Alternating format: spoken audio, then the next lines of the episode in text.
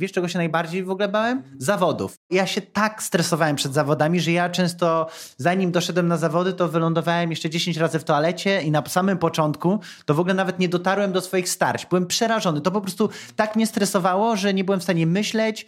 I tak to w życiu trochę jest, że jak coś cię najbardziej przeraża, to tym bardziej znajdziesz sposób na to, żeby to przezwyciężyć. Potem z czasem to zawody okazało się, że to jest mój ulubiony konik, że ja pływam lepiej na zawodach niż nawet dla siebie.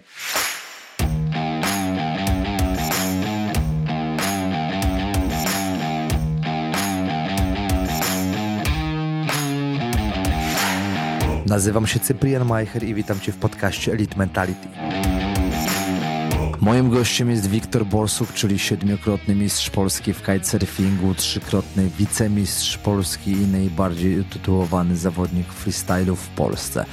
Na kajtowym podium Pucharu Świata i Europy oraz w kraju stawał już kilkadziesiąt razy, a poza karierą zawodniczą organizuje także obozy szkoleniowe Borsu Kite Camps na Półwyspie Helskim i wyjazdy kitesurfingowe, jednocześnie podróżując przy tym po całym świecie.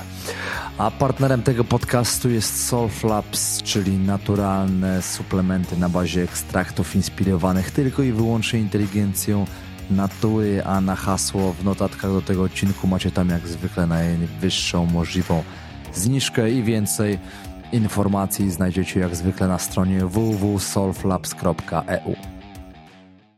Cześć Wiktor, witam cię serdecznie. Dobra. Mocna ta woda, mówię ci. Uff, to z dodatkiem. Kawka sama. Powiem ci w ogóle, że y, jeszcze się tego nie mówiłem, ale miałem w ogóle plan, żeby nagrać ten podcast y, w ogóle na Półwyspie Herskim u ciebie, bo też pisaliśmy.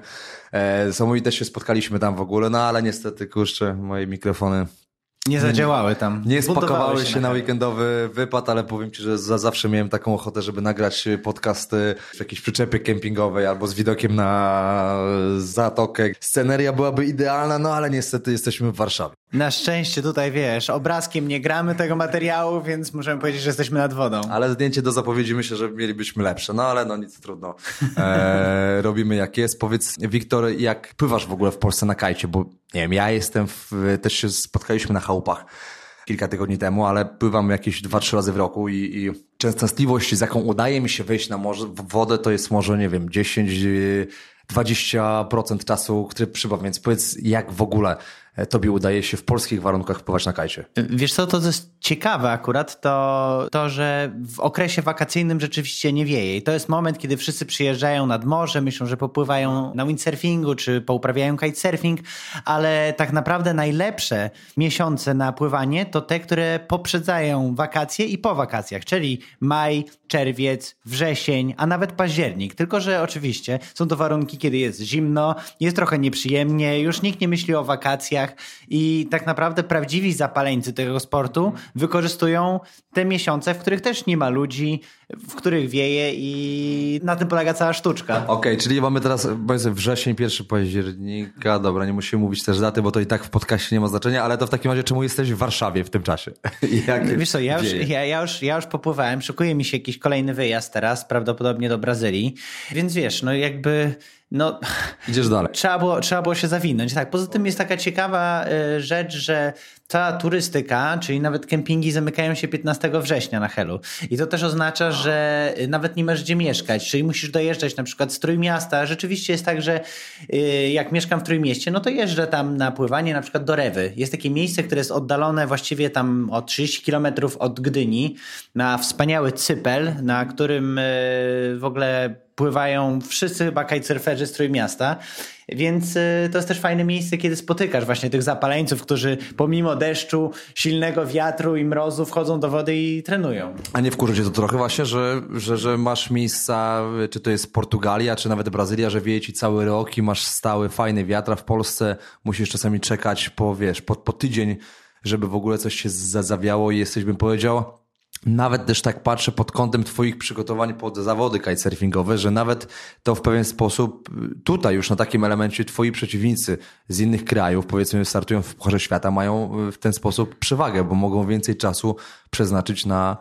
treningi, nie? No wiesz co, to trzeba połączyć po prostu. No, oczywiście nie mam się co wściekać. No, taki mamy, takie mamy miejsce, taki mamy klimat. Z drugiej strony nie ma lepszego spotu do uprawiania kitesurfingu niż w Polsce. Jeżeli zaczynasz naukę... Z całego masz... świata chcesz mi powiedzieć, że... Chciałbym powiedzieć, że Hel jest jednym z najlepszych miejsc na pierwsze kroki, dlatego, że masz płytką wodę, która sięga do pasa. Jest jej, wiesz, no prawie kilometr od brzegu, więc nawet jak e, źle się czujesz na głębokiej wodzie albo słabo pływasz, to jesteś w stanie nauczyć się tutaj kitesurfingu. Poza tym masz płaską wodę, może tego wiatru nie ma aż tak dużo, ale jak jest, to jest naprawdę niezły.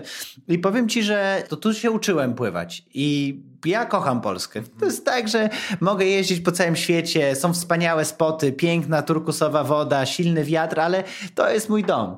I oczywiście, jeżeli chcesz zawodowo uprawiać ten sport, no to musisz to połączyć, tak? No bo jak już tutaj pojawia się zima, no to no już naprawdę ciężko potrenować. I wtedy rzeczywiście no, przykujesz się do jakiejś podróży. Ja przez całe lata jeździłem budżetowo, jak to mówią. Potrafiłem spać, wiesz, na plażach, na kocyku czy na jakimś tam dmuchanym materacu. Potem, wiesz, z czasem udało się organizować takie wyjazdy do Brazylii. Łączyłem to zawsze z jakimś takim, taką podróżą, w której zawsze kogoś trenowałem, więc zamykałem wyjazd na zero, mogłem potrenować, przygotować się do jakiegoś Pucharu Świata.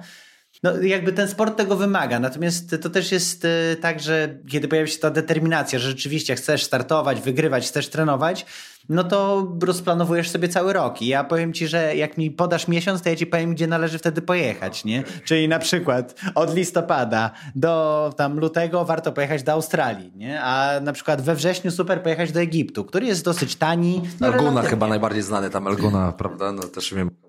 To jest taka enklawa, tak, bezpieczna, bardzo fajne miejsce, nawet masz polską bazę. Ja tam już przyjeżdżałem 15 lat temu. Więc, e, więc każde miejsce ma swój urok i każde miejsce ma jakby swoje momenty na wiatr. Nie? Potem jest na przykład Brazylia, od tego września do grudnia jest super pojechać do Brazylii. Potem masz e, na przykład Azję, czyli lecisz do Wietnamu.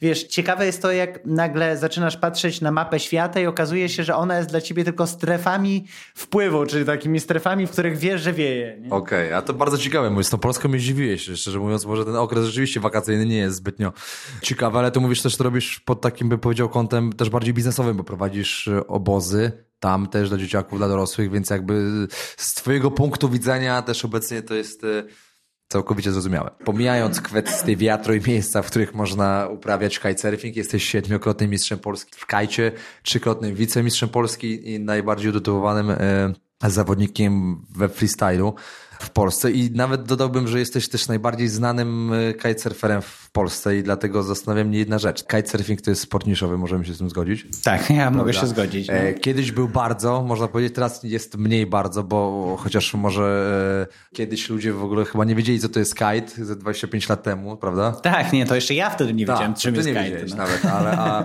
a teraz już mimo, że dużo osób może nie pływa, ale już myślę, że większość wie, czym to się je i dużo sportowców ze sportów niszowych cały czas ma taki problem, żeby zrobić jakby krok wyżej w kierunku rozwoju swojej kariery, ale często jest to ograniczone brakiem mm, finansowania swoich działań, brakiem finansowania z kolei jakby wychodzi z braku atrakcyjności ciebie, sportowca jako produktu dla e, potencjalnych e, sportowców. No i tobie się świetnie udało, bo uprawiając na przykład sport niszowy, nie wiem, typu polo, czy, czy nie wiem, czy to jest tenis stołowy, garstka ludzi ze środowiska cię może znać, tak? u ciebie, mistrz kitesurfingu, Wiktor Borsuk. Jak wybić się w tak niczym sporcie, powiedz? Wiesz co, to jest długa droga i rzeczywiście wiele lat zajęło mi zrozumienie tego, jak załatwić finansowanie, jak pójść, jak to mówisz, o krok dalej. I powiem ci, że to jest najtrudniejsza rzecz, którą w życiu robiłem, dlatego że zaczyna się od pierwszej myśli, powinienem pozyskać sponsorów, tak? I wszystkim wydaje się, szczególnie patrząc na te filmy z Red Bullem, że kurde, jeżdżą po świecie, robią super projekty, mogą skakać przez helikoptery. No wiesz, to jest jakby wyobrażenie sponsorowanego zawodnika. Prawda jest taka, że jak ja zaczynałem... Ale jeszcze, jeszcze, jeszcze pomijając jedną kwestię też, zanim udając się do sponsorów, jakby pierwszą kluczową, bazową kwestią jest to, że po prostu najpierw musisz mieć wynik, prawda? Więc jakby to jest tak, że to jest ta baza, w którym najpierw jakby jesteś tym sportowcem, masz wyniki, dopiero idziesz wtedy po tych. Zgadzam się, chociaż w dzisiejszych czasach uważam, że nie wynik jest najważniejszy, Pomimo tego, że jako zawodnik ja uwielbiam. Prawda. Ja uwielbiam wyniki, ja startowałem po to, żeby wygrywać i uwielbiam, uwielbiam tą nutkę rywalizacji. Natomiast, y, żeby dobrze się sprzedać, wcale nie musisz być najlepszy. I teraz to jest właśnie to połączenie tych dwóch światów, nie? Że z jednej strony możesz mieć naprawdę sportowca, który jest w pełni skupiony na tym, co robi. Natomiast to w jakiś sposób wyklucza też na przykład twój towarzyski aspekt, tak? No bo ja startując tak ostro, nie piłem w ogóle alkoholu, więc nie wychodzisz na imprezy, bo też nie ma to sensu, bo po 22 już nie masz o czym rozmawiać z ludźmi. Bo, no to jest to, to, to się sportowca. Zgadza. Potem nagle okazuje się. Jesteś że, wyalienowany trochę jako sportowiec. Ja, jako w ogóle, jako zawodnik, na przykład na zawodach, kiedy jest ten twój czas, powinieneś udzielać wywiadów, powinieneś rozmawiać, nie wiem, publikować informacje w mediach społecznościowych, żeby ludzie mogli śledzić to, co się tak. dzieje, ale z drugiej strony to wyklucza skupienie. I ja na przykład na zawodach miałem zawsze tak, że przygotowywałem sprzęt samemu, z nikim nie rozmawiałem, czyli starałem się, jakby nie pozwalałem nikomu nawet dotknąć swojego kajta, tylko sam ręcznie go pompowałem, nawet nie korzystając z kompresorów. A to dlatego, że po prostu miałem taki rytuał. Wchodziłem jakby w tryb skupienia, w którym powtarzalność czynności mnie uspokajała i przygotowywała ciało do, i umysł do tego, że zaraz będę startował. I teraz na przykład nawet rozmowy towarzyskie były dla mnie trudne, dlatego że w głowie ja miałem już plan, jak będę startował, jak będą wyglądały moje starcia. Cały czas miałem na bieżąco czas odpalony, czyli każda sekunda, właściwie każda minuta y, takich zawodów była u mnie odnotowywana w głowie, czyli na przykład wchodziłem na 10 minut na wodę, i wiedziałem, że równo po 10 minutach może zejść, bo wtedy się nie zdążę zmęczyć, ale zdążę się przyzwyczaić do akwenu, nie? Później na przykład wiedziałem, że skoro mam starcie za, nie wiem, 15 minut, no to ja już powinienem być rozgrzany i ubrany w piankę, która chroni mnie i trzyma jakby ciepło. Wiesz, dzieje się tak, że nagle tam jakby ktoś przyszedł i zadawał ci pytanie, albo miałbyś coś relacjonować, to po prostu wypadasz ze skupienia. Koniec. To jest, to jest więc... Czyli tak zwany stan flow, można powiedzieć. Jak też się napędza i tak, to jest, to jest stan flow, więc, więc teraz pytanie, czy, się, czy masz moment sprzedawania samego siebie, bo jesteś po prostu produktem, czy jesteś yy, zawodnikiem, który leci po wyniki. I teraz problem też polega na tym, że wiele osób, które są tak bardzo skupione na sportach indywidualnych, trochę zatraca się w tym. Oni ich najważniejszym celem jest to, żeby wygrywać. ja znam ten stan, byłem tam, wiesz. I nagle jeżeli chcesz pozyskać sponsorów, no to niestety musisz się trochę otworzyć na świat. Musisz, ludzie muszą cię polubić w taki czy inny sposób. Możesz być kontrowersyjny, cokolwiek, ale musisz dać się poznać, nie? Bo I dać się zauważyć. No właśnie, bo będąc tylko dobrym zawodnikiem, mając ok wyniki, no to nic nie zrobisz. Powiem ci ciekawą historię. Kiedyś poznałem takiego gościa w Nowej Zelandii, który był trzeci na świecie na falach w windsurfingu. No fantastycznie, super pływał, ale sponsorzy w pewnym momencie zaczęli mu wypadać poszedł do nich, pyta, co się dzieje. Oni mówią, słuchaj, no fajnie pływasz, jesteś trzeci, ale w sumie to nikt o tobie nie wie, nie, nie jesteś pierwszy, więc no no, no, wiesz, no jakby nie ma dla, nie, dla nas dużej korzyści, że ty działasz. Więc on pojechał do tej Nowej Zelandii, słuchaj, drapał się po głowie, drapał się po głowie, bo on był bardzo grzeczny, elokwentny, cichy. I mówi, nie, no dobra, trzeba coś zmienić. Więc ogolił łeb na Irokeza, słuchaj, taką pałę sobie zrobił no. rzeczywiście, postawił te włosy i nagle zaczął pływać na falach i w tych e, momentach, kiedy był do góry nogami, tam wiesz, wywalał język na wierzch, robił taki i słuchaj, zrobił się tak charakterystycznym gościem, że wszyscy go chcieli na okładkach wszystkich magazynów, był po prostu ikoną windsurfingu. I pomimo tego, że jego wyniki wyniki się pogarszały, to nagle się okazało, że jest najbardziej rozchwytywanym zawodnikiem na świecie. Bo był charakterystyczny, bo wszyscy go kojarzyli, bo wymyślił sposób na siebie. I teraz bardzo trudno jest jakby te dwie rzeczy często łączyć. Są przebojowi goście w bieganiu, Usain Bolt, nie? No już nazwisko błyskawica, nie? Myślę, że to świetny przykład no. Conor McGregor, który jakby wokół swojej osoby no, robi niesamowity show medialny i, w ogóle jest najbardziej Ja w ogóle widziałem, że ty jesteś tak podobny trochę do Conora, tak? Naprawdę? No. To może to przez tą brodę. Ta broda widzę, że... Może stylizuje się na niego, ale ja ważę swoje, ja ważę 103 kg, on waży chyba 80 niecałe. Nie miałbyś tą szans, nie? nie? Ale tak nie miałbym szans, to prawda. Ale jest, no, on jest showmanem, tak? To trzeba przyznać jedno, że jest showmanem. I teraz to, to są dwie różne cechy, tak? Bycie dobrym sportowcem, a jeszcze do tego showmanem, no to ciężko jest to połączyć. Natomiast da się, a jak, e, jak się nie da, no to i tak trzeba trochę wyjść ze swojej strefy komfortu. Ja tak naprawdę w życiu bałem się bardzo publicznych wystąpień. Wiesz, czego się najbardziej w ogóle bałem? Zawodów. To było, ja się tak stresowałem przed zawodami, że ja często, zanim doszedłem na zawody, to wylądowałem jeszcze 10 razy w toalecie i na samym początku to w ogóle nawet nie dotarłem do swoich starć. Byłem przerażony. To po prostu tak mnie stresowało, że nie byłem w stanie myśleć. I tak to w życiu trochę jest, że jak coś cię najbardziej przeraża, to tym bardziej znajdziesz sposób na to, żeby to przezwyciężyć. Potem z czasem to zawody okazało się, że to jest mój ulubiony konik, że ja pływam lepiej na zawodach niż nawet dla siebie. I tak samo było z tą strefą komfortu, na przykład publicznych wystąpień albo y, rozmawiania z ludźmi, zagadywania. Wiesz, marketing też bardzo często opiera się na relacjach z ludźmi. Oni ci muszą polubić, nie? Myślą sobie, kurde, to jest fajny gość, chcielibyśmy coś z nim zrobić. Moim zdaniem to jest tak samo ważne jak sam trening, nie? I nie da się tych dwóch rzeczy wykluczyć, no bo wtedy nie będziemy żyli tak zwanym marzeniem. Nie? Poza tym jest jeszcze jedna ważna rzecz, że jednak wokół tego, co robimy, jest jakaś otoczka. Bo samo w sobie to jest powtarzalność czynności. Nie? Jak ktoś by pospojrzał mnie z boku, to powiedział: No dobra, jakiś młokos w blond włosach codziennie się podciąga na drążku w domu i tam przekłada go za plecami. No, słuchaj, to jest generalnie monotonna, nudna robota. Ja codziennie wstawałem, dwie, trzy godziny ćwiczyłem, podciągając się, spadając. Wiesz, no nie ma w tym nic ciekawego, poza tym jak pokażesz to w przyspieszeniu i pokażesz determinację na przestrzeni na przykład czterech lat, nie?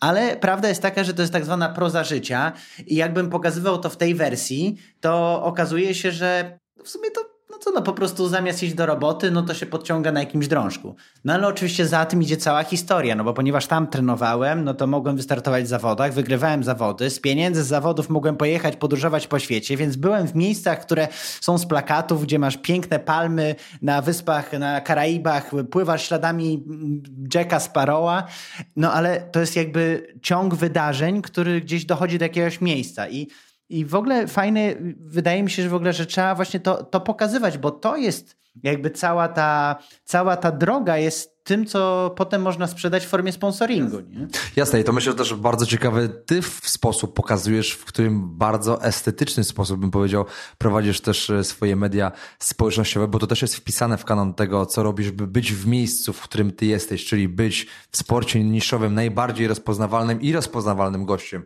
w tym świecie, ale to też jest ciekawe to, co powiedziałeś z tym przykładem, z tym nowozelandzkim windsurferem, tak, kitesurferem, tak. z tym, że tak naprawdę ten produkt możesz po prostu wziąć i go, i go zrobić. Tworząc produkt nie musisz się też do końca z nim identyfikować, choć byłoby oczywiście tak najlepiej.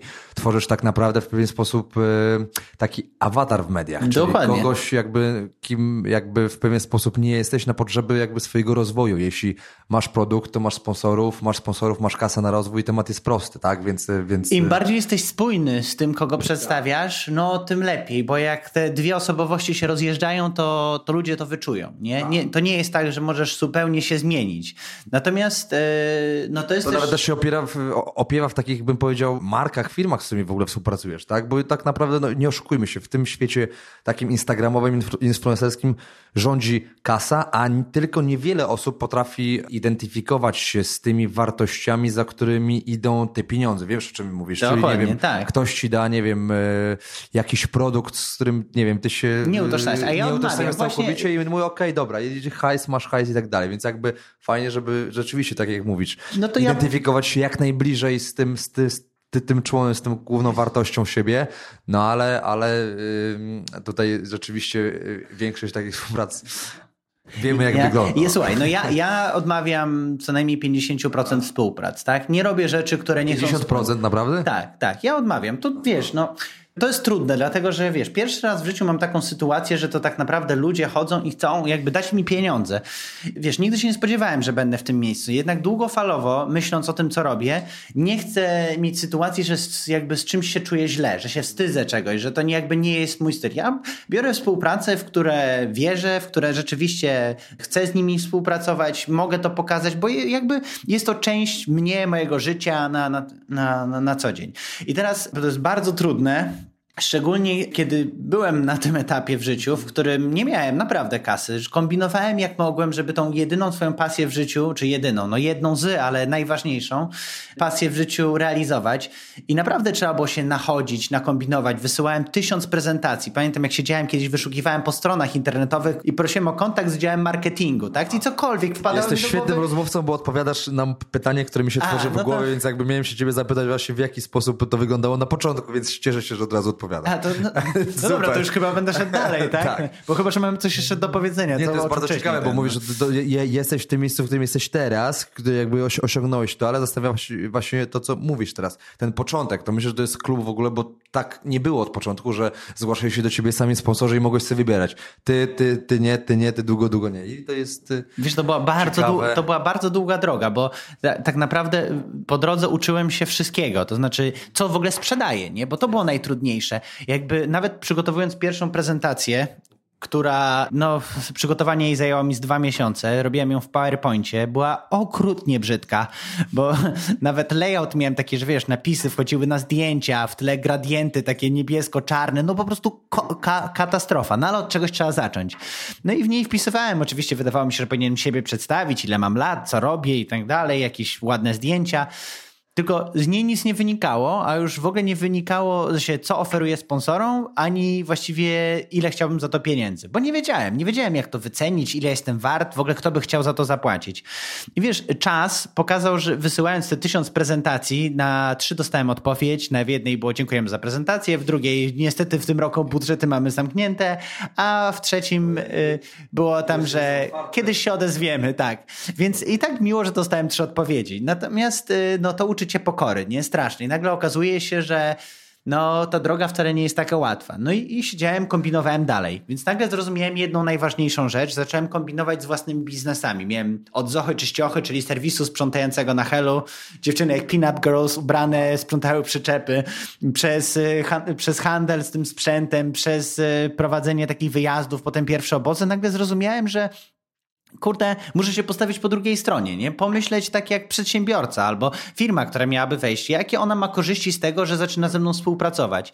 I wtedy nagle zmienił się zupełnie mój sposób yy, prezentowania siebie, bo przychodziłem z taką prezentacją, ale w prezentacji miałem oczywiście wypisane, kim jestem, co robię i tak dalej, w bardzo dużym skrócie, a potem to, co sponsor otrzyma, czyli na przykład swoje ciało, czy swój ubiór i deskę potraktowałem jak powierzchnię reklamową. Czyli wyceniałem sobie, że nie wiem, powierzchnia na desce kosztuje tyle i tyle, że logotyp na ramieniu, który jest widoczny w telewizji, y, w prasie i tak dalej, jest wart tyle i tyle. I nagle miałem paczkę, w której zbierałem jakby wszystkie publikacje do tej pory według jakichś wskaźników, i pomocy ludzi wyliczyłem jakąś wartość szacowaną w mediach i nagle się okazywało, że właściwie za kwotę X ja dostarczam X razy 10, nie? Bo na przykład, nie wiem, publikacje są warte pół miliona złotych. I teraz nagle okazało się, że jak przychodzisz z pomysłem na to, co oferujesz sponsorowi, bo w ogóle na początku umowy sponsorskie wyglądały tak, że firmy nawet nie wiedziały, co mają ze mną podpisać. Ja przygotowywałem własny draft, podsyłałem im do akceptacji i bardzo często go akceptowali, bo nawet nie wiedzieli, czego wymagać. A ja wpisywałem właśnie, że będę korzystał z dress code'u we wszystkich oficjalnych y, wystąpieniach, na zawodach, że zawsze będę miał na przykład czapkę z logotypem. Te wszystkie rzeczy, które ważne są w promocji sponsora oraz, że na przykład będę kwartalnie przygotowywał raporty mediowe. Nie? Nikt cię nie prosi o to, tylko sam robiłem, przygotowałem, że byłem tutaj w telewizji, logotyp się pojawił, w prasie takiej, takiej i tyle i tyle było publikacji. I nagle okazało się, że to ma wartość. Ludzie są chętni, gotowi do współpracy, bo wychodzisz z inicjatywą. I nagle też zrozumiałem, że jak idziesz na takie spotkanie, to nie możesz siedzieć na nim i zastanawiać się, co ci ktoś zaoferuje, tylko sam wyjdź z inicjatywą. Daj opcję. Może z żadnej z nich nie skorzystają, ale może jedna akurat trafi do kogoś i powie, kurde, to fajny pomysł, zróbmy to, nie? Ciekawe, że jeszcze na tym etapie nie byłeś w stanie wpisać, e, bo to było jakieś 25 lat temu, więc jeszcze nie byłeś w stanie wpisać e, w Google, jak tworzyć umowę sponsorską. Dlaczego 25 lat temu? Ja nie, tak 20, przepraszam. Ja, 25 tak lat temu, ja miałem 5 lat sorry, wtedy, to 25 nie lat temu do wtedy zacząłem swoją karierę. 15, Ale, to tak. No. 15, to bo myślę, że było dużo ciężej znaleźć informacje o tym, jak stworzyć e, ofertę sponsorską, ale bardzo mi się podoba to, co mówisz, bo z pewną taką świadomością operowałeś takim, bym powiedział, językiem korzyści dla firm, nie przedstawiając e, tego od tej strony, na początku popełniając błędy, od tej strony, kim ty jesteś, ale od tej drugiej, czyli jaką korzyść możesz dać swojemu potencjalnowi partnerowi, ale jeszcze ciekawszą rzeczą jest to i, i, i myślę, że fajniejszą, że miałeś jaja, bym powiedział, i taki e, na temat tego, że pokazaliśmy jaja. na prawo tak. twoich publicznych wystąpień. I taki tupet w takim bardzo pozytywnym słowa znaczeniu, że miałeś, to też świadczy o twojej determinacji wtedy, że miałeś taką determinację, żeby osiągnąć w tym sporcie dużo, że Ja nie znam też, szczerze mówiąc, dużo takich sportowców, którzy w taki sposób, bym powiedział, potrafią zrobić e, też szum wokół swojej osoby medialnej i aktywnie w taki sposób pozyskiwać sponsorów. Dużo sportowców jednak skupia się na takim aspekcie mocno sportowym i jakby w tych kwestiach są mocno wycofani, więc jakby tutaj trzeba w bardzo umiejętny sposób też połączyć kil kilka roli i zdać sobie sprawę, że nie jesteś tylko sportowcem, tylko musisz być w pewien sposób też e, przedsiębiorcą, też e, swoim menedżerem, też e, tworzyć swój PR, być specjalistą od mediów społecznościowych i, i jakby łącząc te role, to też się w pewien skupia. To, to ja ci powiem, odpowiem po prostu na to, jak to się też stało, bo prawda jest taka, że no nie, że możemy pominąć aspektów, w którym najważniejszy był dla mnie kitesurfing i ja po prostu naprawdę oglądałem każdy filmik, który był w internecie. Znałem wszystko. Miałem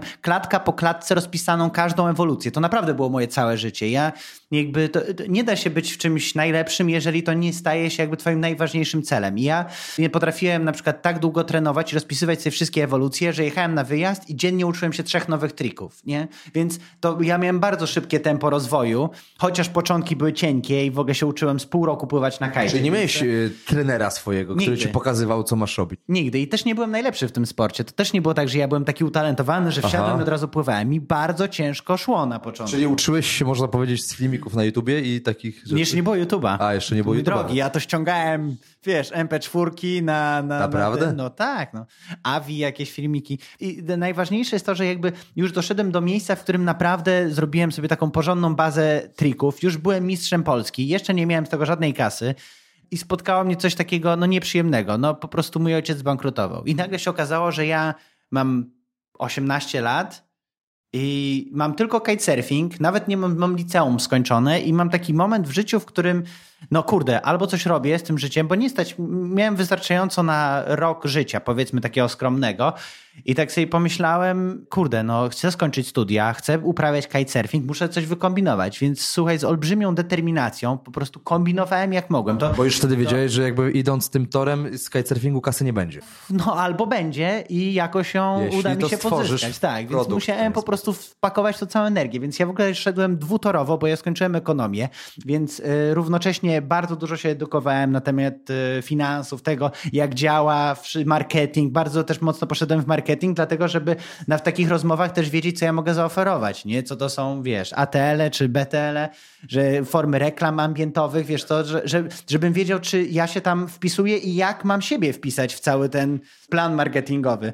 I powiem ci, że to, to było też dosyć śmieszne, bo Nagle się okazało, że połączenie tych dwóch rzeczy to była fantastyczna decyzja i determinacja, która powoduje, że chcesz, kochasz coś, naprawdę uwielbiasz ten sport i chcesz się z nim wiązać powoduje, że szuka, znajdujesz rozwiązania i one się trafiają. Często jest tak, że robisz wiele kroków, które nic nie zmieniają, że naprawdę marnowałem też czas na robienie rzeczy, które w ogóle niczym nie pomogły. Tak jak nawet wysyłanie tych prezentacji czy chodzenie na spotkania, z których nic nie wynikało, albo już najlepsze, moje najbardziej ulubione, kiedy spotykałeś takiego człowieka na swojej drodze, który opowiadał ci o złotych górach, wiesz, na pewno takich spotkałeś wielokrotnie, o tym, jak zrobicie ten, tu, jak on ma ziomka, który jest, wiesz, prezesem tej firmy, że oni potrzebują takich ludzi i tak ci, wiesz, nawija ten makaron na uszy, to trwa tydzień, dwa, trzy, ty jesteś podjarany, przygotowujesz prezentację, wysyłasz i na koniec gość się przestaje odzywać, nie? Bo okazało się, że w sumie to ściemniał cały czas, nie? Bo po prostu chciał się pokręcić. Wiesz, y, naprawdę przerobiłem wiele takich rzeczy, marnowałem też czasu, ale tego się uczysz, nie? I uważam, że właśnie to, że mi nie wychodziło tak wiele razy, też spowodowało, że w pewnym momencie już wiesz, co masz robić. Też powiedziałeś o tym momencie, w którym zdobyłeś to pierwsze mistrzostwo polskie. Powiedz, czy twoje pierwsze mistrzostwo w kajcie wynikało bardziej z tego, że byłeś w tym dobry, czy bardziej z tego, że ten sport jest jeszcze, był dość niszowy w Polsce i dość mało osób go uprawiało? Mam być skromny, czy nie? Nie. Nie, no byłem dobry. Naprawdę, ale wiesz, ja naprawdę byłem dobry, ale to wynikało z tego, że ja naprawdę cały czas trenowałem. To było też tak, że jeździłem na przykład na Puchar Świata tam potrafiłem po prostu przegrać wszystko, tak? No po prostu porównywałem się z najlepszymi gośćmi na świecie, jechałem i zajmowałem 24 miejsce czy, czy coś. No to było straszne uczucie porażki. Takie pamiętam pierwszy moment, jak pojechałem na Puchar Świata, wydałem wszystkie pieniądze, które miałem i po prostu usiadłem na plaży i przegrałem wszystko od samego początku, na Dominikanie. I pamiętam, że miałem taką załamkę ogromną i siedziałem na tej plaży i tak mówię, no dobra, no to Wiktor, wyciągnij z tego jakieś wnioski, nie? Wiesz, wewnętrznie tam to wiesz, gorycz musiałem przełknąć i zacząłem się przyglądać zawodnikom. I nagle zrozumiałem, że nie wygrywają zawodnicy, którzy są najlepsi na wodzie, którzy robią najtrudniejsze ewolucje, tylko ci, którzy dobrze planują takie starcie. I zobaczyłem, że goście, którzy robią najpiękniejsze triki, czyli wchodzą, walą, wiesz, najtrudniejszą rzecz, najczęściej się przewracają, bo jest, wiesz, stres, energia, wiesz jak to jest. Jak się przewrócą, to tracą z 7 minut takiego starcia prawie cały ten czas, a wygrywają ci, którzy wchodzą i robią powoli takie ewolucje pewne, żeby nazbierać sobie punktów, rozkręcają się i dopiero zaczynają walić te najtrudniejsze rzeczy na sam koniec. To też że taktyka i nagle zrozumiałem, kurde, wow, nie? I że to nie ci najbardziej radykalni, którzy wiesz, wydawałoby ci się, że no mordercy, tylko ci, którzy byli po prostu systematyczni. Ja wprowadziłem to w swoje startowanie. I nagle się okazało, że to działa. Że myślę sobie, kurde, nikt tego nie zauważył i w Polsce zacząłem metodycznie właśnie wygrywać. Potem się okazało, że cała jest taktyka startu. Że pomimo tego, że na przykład ja robiłem te ewolucje, no to ja takie planowałem, żeby na samym początku zawsze też trochę y, mojego przeciwnika zaskoczyć i robiłem to zawsze ewolucję przed nim. Żeby musiał ją zobaczyć. Wiesz, to cię wyprowadza trochę z równowagi. Szczególnie jak robiłem jedną, drugą, trzecią. Mieć dobrą taktykę jednym słowem. No, no, to jest najważniejsze w takim starcie, nie? Więc wiesz, blokujesz mu trochę drogę, robisz jakby trzy ewolucja, on musi na to patrzeć, sam nie zrobił nic, mija pierwsza minuta, on już się zaczyna stresować, wiesz, to jest bardzo ważna też gra psychologiczna w całym, w całym takim startowaniu w zawodach. Poza tym na przykład, no jak naprawdę y, miałem takich no 7 lat, że wygrywałem wszystko, co było, każde zawody, no to na przykład dla porównania moi przeciwnicy zrobili, robili 7 8 ewolucji w ciągu takiego 7-minutowego starcia, a ja potrafiłem 17 zrobić, nie? I to takie wszystkie, to, co oni mieli, plus jeszcze dwa razy trudniejsze. Mhm, jasne, super. W ogóle bardzo mi się podoba ogólnie całościowo to, co mówisz, bo podchodzisz do tego sukcesu w tym sporcie zupełnie z innej strony, niż w ogóle z której rozmawiam też z innymi sportowcami, bo mówisz o takich też bardzo ważnych rzeczach, też pobocznych, które na to wpływają. Między innymi właśnie rozmawialiśmy o tym tworzeniu gdzieś produktu, finansowania tego sportu, żeby móc się rozwijać dalej e, ta taktyka, która jest ważna przed zawodami, która czasami jest ważniejsza niż to, co umiesz. Tak, takie jak nie byłem najlepszy, rytuał. Właśnie jak, nie, jak i były takie momenty, że już byli zawodnicy, którzy już deptali mi po piętach i byli naprawdę, potrafili robić wszystko to, co ja, a nadal wygrywałem bo właśnie wprowadzałem tą taktykę, nie? którą przez lata wprowadzałem w swoje życie i to też było takie ciekawe, to było zaskoczenie dla mnie, bo uważam, że nie powinienem wygrać, albo nawet potrafili zrobić coś, czego ja nie potrafiłem i myślę sobie, ale jestem cienki. Ale potem nagle się okazało, że jak przychodzi stres jak przychodzi planowanie takiej strategii, to wymiękają, nie? Poza tym często na przykład ludzie przegrywali ze mną, to było najbardziej fascynujące dla mnie, ale sam to zrozumiałem po sobie. Startowałem kiedyś z mistrzem świata w kicie, takim siedmiominutowym starciu. Jak powiedziałeś I kicie? Hit, hit. A, hit, kicie, hit, okay. Myślę, że tak. kicie odmieniłeś nie, kajta jako nie. hit, dobra. Hit to jest takie siedmiominutowe okay, starcie ja wiem, dwóch zawodników, dobra. którzy pływają przeciwko sobie i wygrywa lepszy i przechodzi w tabeli dalej. I pamiętam, że wchodząc na to starcie, ja już przegrałem. Bo ja szedłem tam z myślą, że startuję z mistrzem świata. Jak ja mogę z nim wygrać? Nie? Jakie ja mam szanse? Pomimo tego, że on był w moim wieku, czy tam rok starszy. Ale psychika już siadła. Ja już wiedziałem, że przegram, bo on jest najlepszy na świecie. I często na przykład ludzie ze mną przegrywali w Polsce, dlatego że już wchodząc wiedzieli, że przegrają. Nie? Że nawet kiedyś stałem przy takiej tablicy wyników i, i widzę dwóch gości, stałem sobie w kapturze i oni mówią, kogo trafiłeś? Jeden mówi, o, Borsuka. I ja nie wytrzymałem. Ja po prostu się tak śmiałem w tym momencie, nie mogłem wytrzymać. Mówię, słuchaj, przecież możesz ze mną wygrać, nie? To są zawody, nie? Takie mówiłeś, żeby... Ja, zawsze, tak. Chyba, że miałem takich potężnych tam y, przeciwników, no to wtedy gra, była gra psychologiczna psychologiczne zawsze. O, co tam, robisz coś nowego? Ja mówię, zobaczysz, spokojnie. Wiesz. A powiedz, miałeś momenty, w których wygrywałeś, wykorzystując twoje wszystkie triki, o których mówisz, ciekawe rzeczy. Czy udawało ci się wygrać z zawodnikami, których ty uważałeś, albo o których wiedziałeś, że są po prostu ciebie lepsi? Tak, tak. no bo ja też y, pamiętaj, że wygrałem parę pucharów Azji, też y, stałem na podium Pucharu Świata. No i tam już naprawdę się ze śmietanką spotykasz, nie? Z wszystkimi na, na. Pamiętam pierwszy raz jak stałem trzecie miejsce zająłem na Pucharze Świata we Włoszech. Po prostu nie mogłem w to uwierzyć. I tam po drodze wygrałem z gośćmi, którzy chyba byli lepsi ode mnie.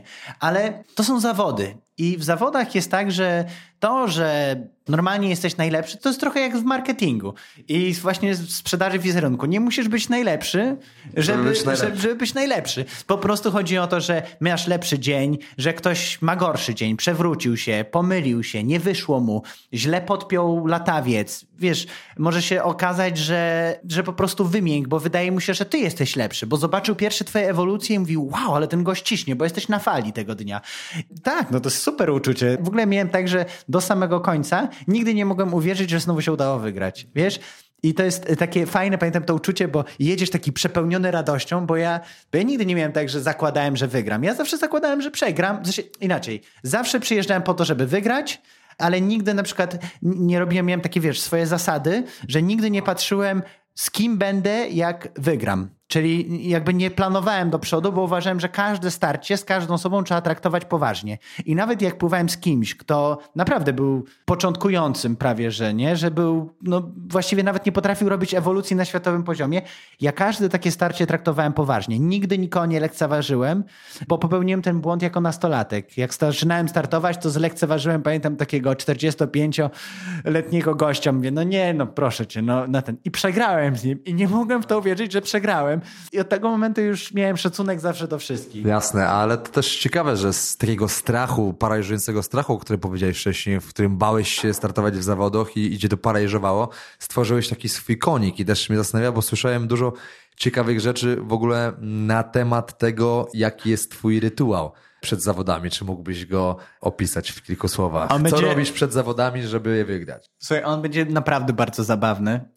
Kiedyś przeczytałem o pływakach, że oni przed ważnymi zawodami dokonują na przykład abstynencji fizycznej.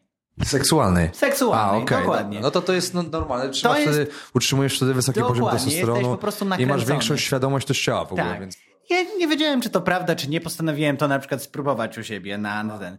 Potem okazało się, że w sumie yy, na zawody to muszę mieć coś lekkiego do zjedzenia, żebym nie był głodny. Jak będę głodny, to będę myślał o tym, że jestem głodny. Więc zawsze kupowałem sobie takie wafle ryżowe które szybko możesz zjeść, trochę cię zapełnią, ale nie, nie, nie będziesz ociężały. Potem Ale jeszcze, taki... jeszcze kontynuując wątek abstynencji seksualnej. czy... wiedziałem, wiedziałem, że tak to się skończy. No. Nie, bo zastanawiam się, wypróbowałeś tego jednorazowo, czy to był twój rytuał, w którym jakby czułeś, że jakby Okej, okay, czyli to był Ciao, rytuał. To był przy, rytuał. Przy, przy, przytakujesz mi, tego nie widać, nie ma wersji wideo, ale, ale mi przytakujesz. Okej, okay, czyli numer jeden, zero tak, kobiet. Co też, a co też oznaczyło, że zero, zero kobiet, przed zawodami. Czyli czy, przed zawodami nie było kobiet, też nie spałem wtedy z kobietami, też nie spały nawet ze mną w jednym łóżku, bo po prostu Żebym na balkonie albo w, w, kuchni. No, na balkonie. Nie, no w ogóle jakby to był czas, dziewczyny się bardzo na mnie złościły zawsze, te, które akurat ze mną były, bo ja po prostu ani nie chciałem, żeby były na zawodach. Czyli już wiemy, że w tym czasie, jak startowałeś, byłeś z kilkoma dziewczynami naraz. nie no, Dobra, no, jak startowałem, to miałem stałe partnerki no ja, i one wiadomo, się zawsze sześć. na mnie złościły. I, o, i, ale ja nie chciałem, żeby były na zawodach, dlatego że no, to jest pewnego rodzaju rozproszenie. Nie? nie chcesz się potem tłumaczyć albo wejść w jakąś kłótnię, bo jesteś niemiły, niegrzeczny, bo enigmatycznie rozmawiasz. Wiesz, to jest yy, no, dziwne, to jest jakby cały rytuał i to jest jednak sport indywidualny, w którym przechodzisz tą podróż samotnie i to ty musisz być skupiony. Nie?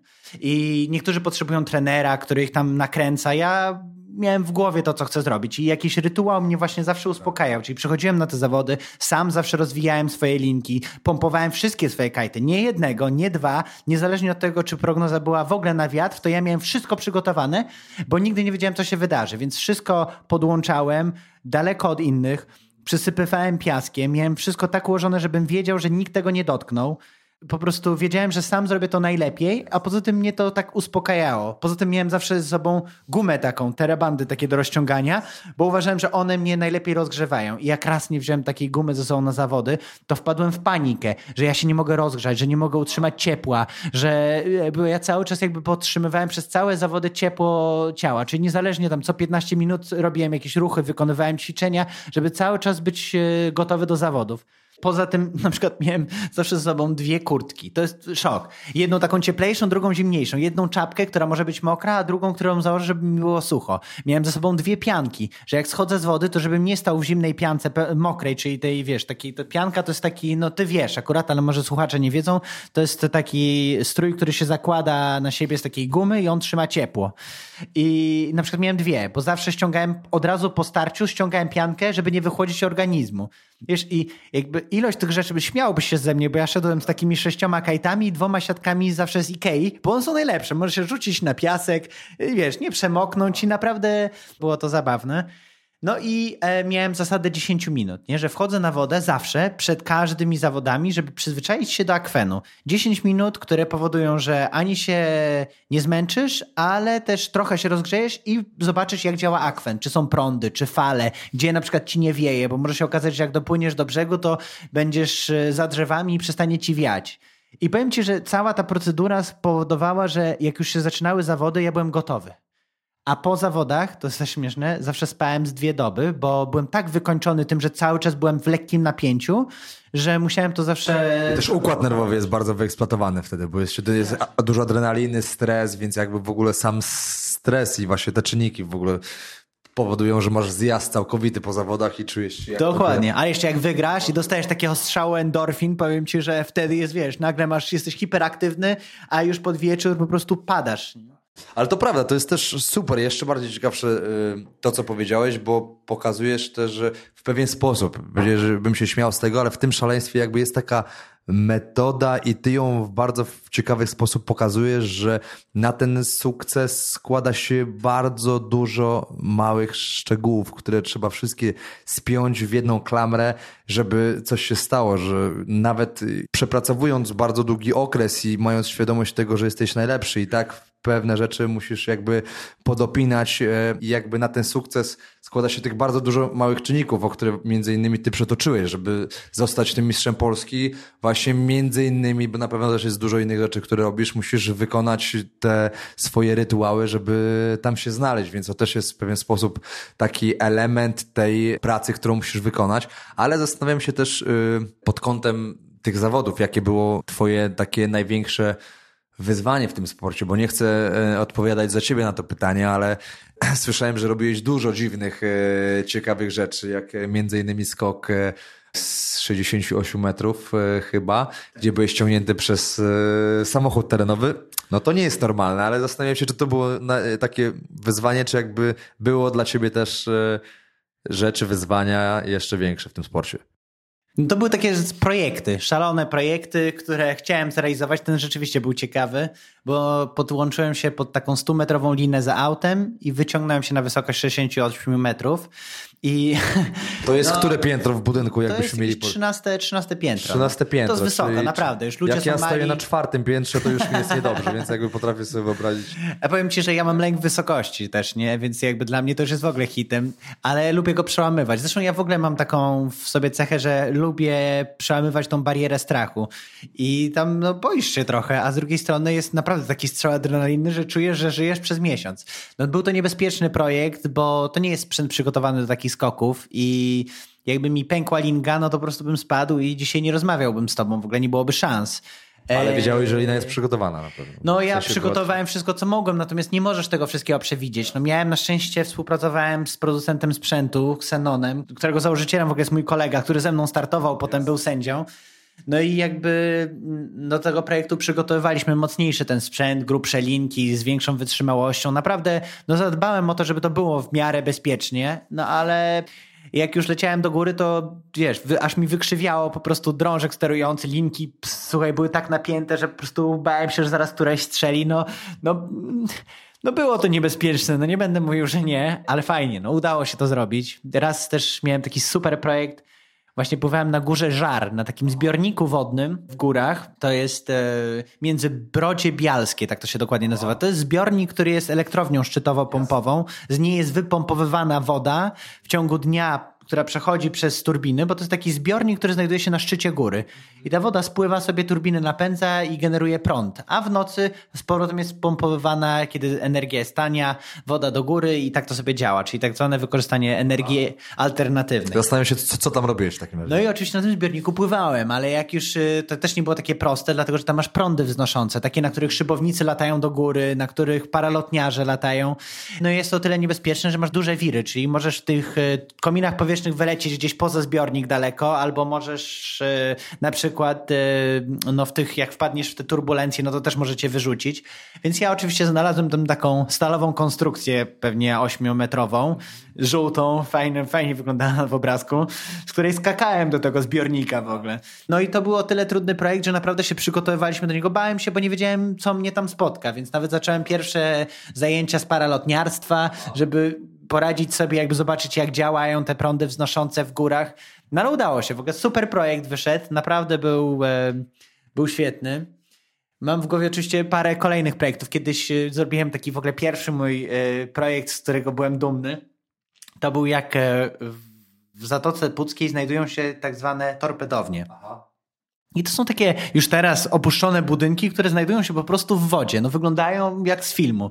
I kiedyś nakręciliśmy właśnie z, z jednym partnerem tam e, film, jak e, budzę się w, w, tej twierdzy prawie, że wiesz, widać, że tam śpię na jakimś materacu na ziemi, nagle odjeżdża kamera i okazuje się, że stoję w budynku, który jest w środku wody, nie? I potem startuję i skaczę z niego do wody i zaczynam pływać przed nim na kajcie. No i powiem ci, że w ogóle każdy taki nietuzinkowy projekt jest e, energetyczny. On, on jest wyzwaniem, bo nigdy nie wiesz, co cię tam spotka, nie? Tam, wiesz, wystawały na przykład zbrojenia, w, no, które mogłem się zaczepić.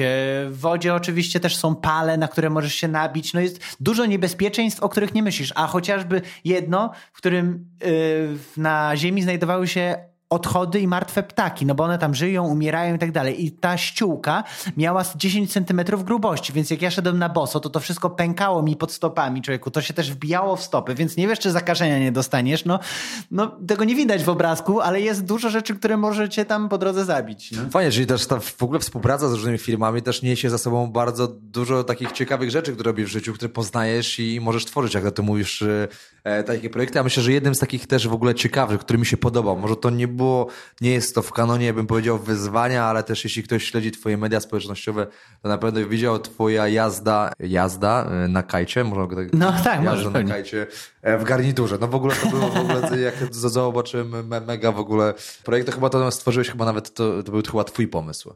Tak, to, to jakby był mój pomysł. Ale to, był mega, naprawdę. No... W sensie, jeśli chodzi o całą scenerię i w ogóle, no, y, Mistrzowskie zagranie.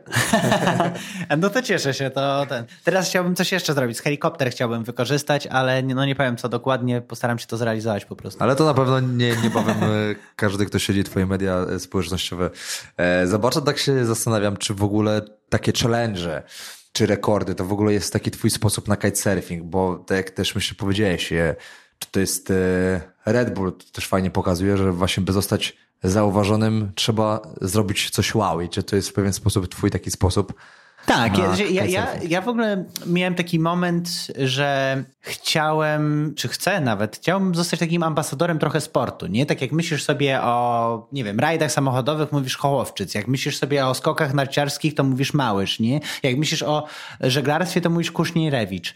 I fajnie było, jakby kiedyś było połączenie kitesurfing-borsuk, nie? Takie... Więc... Myślę, że już teraz w pewien sposób tak jest, że jakby też jesteś jakby ikoną w, y, w Polsce, jeśli chodzi, będąc najbardziej utytułowanym i najbardziej E, medialnym, rozpoznawalnym. No, znaczy, oczywiście mówimy teraz, że oczywiście to jest cały czas sport niszowy, prawda? Tak. Nigdy kitesurfing nie będzie leciał w Na publicznej telewizji, no. ani w publicznej telewizji, więc, e, więc jakby to rzeczywiście jest inny wymiar, ale jeśli powiedzieć na tym etapie, bym powiedział, że Wiktor Borsuk, kitesurfing, no to jest w pewien sposób. No to cieszę się, bo ja tego nie wiem, wiesz, to jest tak, że nigdy nie wiesz, czy, czy ludzie tak mówią, nie mówią. Ja miałem taki pomysł na to, że te projekty, to poza tym, że to jest dla mnie przede wszystkim fajny, fajny challenge, to jest, bo to jest trochę zabawa, to jest, wiesz, przygotowanie się do tego, rzeczywiście poszerzenie wiedzy z zupełnie innego zakresu już jest ekscytujące. A poza tym, wiesz, no, rzucenie się na wyzwanie i zrealizowanie go.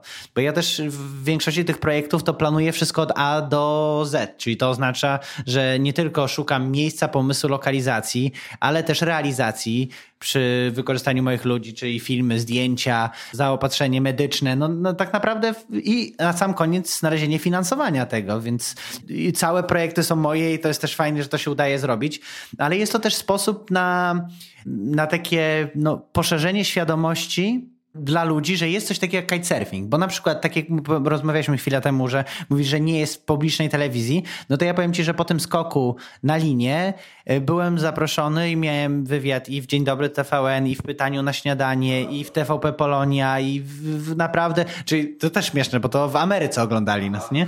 Ale no nie, no bardzo, bardzo szeroko poszło. Byłeś zaproszony jako Wiktor Borsuk kitesurfer, czy dlatego, że skoczyłeś z 68 metrów? No jedno i drugie. Okej. Okay. Jedno, to było połączenie, no bo to była realizacja projektu, że Polak zrobił coś takiego wyjątkowego i Wiktor Borsuk jego przedstawienie, więc no to też jest fajne, bo nagle ludzie mają świadomość tego, że coś takiego się dzieje, nie? że e, jest kitesurfing, jest to w Polsce można uprawiać i, i tak naprawdę ja trafiłem w same początki kitesurfingu, kiedy nikt jeszcze o nim nie wiedział. Jak w szkole mówiłem, że będę uprawiał kitesurfing, to wiesz, patrzyli na mnie i mówili, co?